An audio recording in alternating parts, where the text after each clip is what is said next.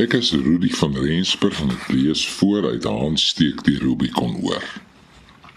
'n Verwelkte blom. Dis hoe Hans vir homself in die spieël lyk. Alles is verdor, verlep en verskrompel. Van sy stroewe gelaat en krom skouers tot sy hangborste en uitgesakte maag. Hy beskou sy gesig van naderby. Die kepe op sy voorkop lê ingeryg soos jaringe op 'n boomstomp. Sy oë skreef onder woeste wenkbroue. Ingesonke wange beklemtoon sy prominente kake. Hy tree 'n meter terug om hom van kop tot toon te beoordeel. Sy oë skeer oor sy plankdun beentjies.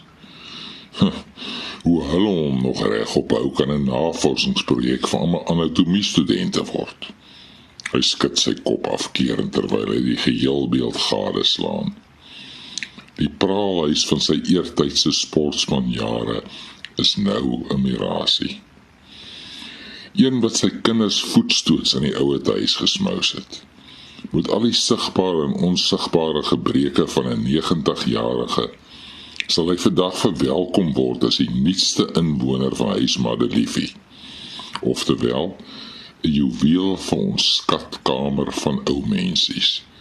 Soos die brosjure dit stel. Gisteraand het hy die fout gemaak om die brosjure te blaai. Dit nadat hy soos 'n gees deur die huis gedwaal het. Hy wou afskeid neem van sy standplaas van die afgelope halfuur. Maar sonder die meubels vir die afslaers voor opgelaai het, was die vertrekke onbekend en afsydig. Die eens indrukwekkende ingeboude boekrakke in die studeerkamer het skeletterig teen die muur vertoon. Al boekbinnegoed is al die vorige dag gepak om verskeep te word na verskillende vastelande en eilande.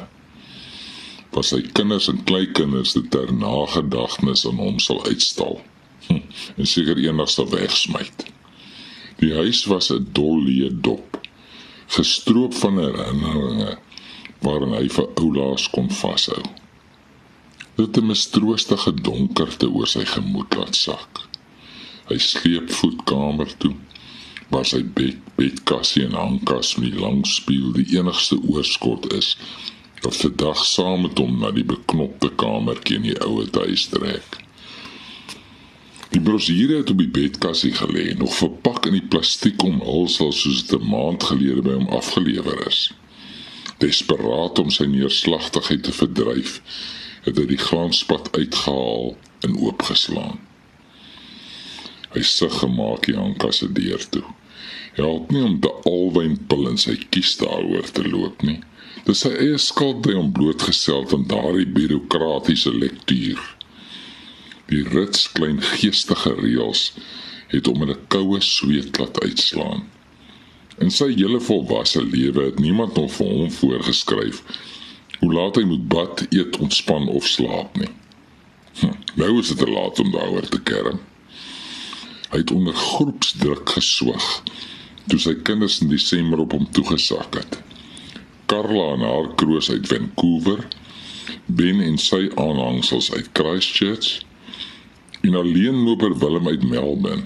Sy oudste dogter kon weens haar heupvervanging nie uit Tokio kom nie.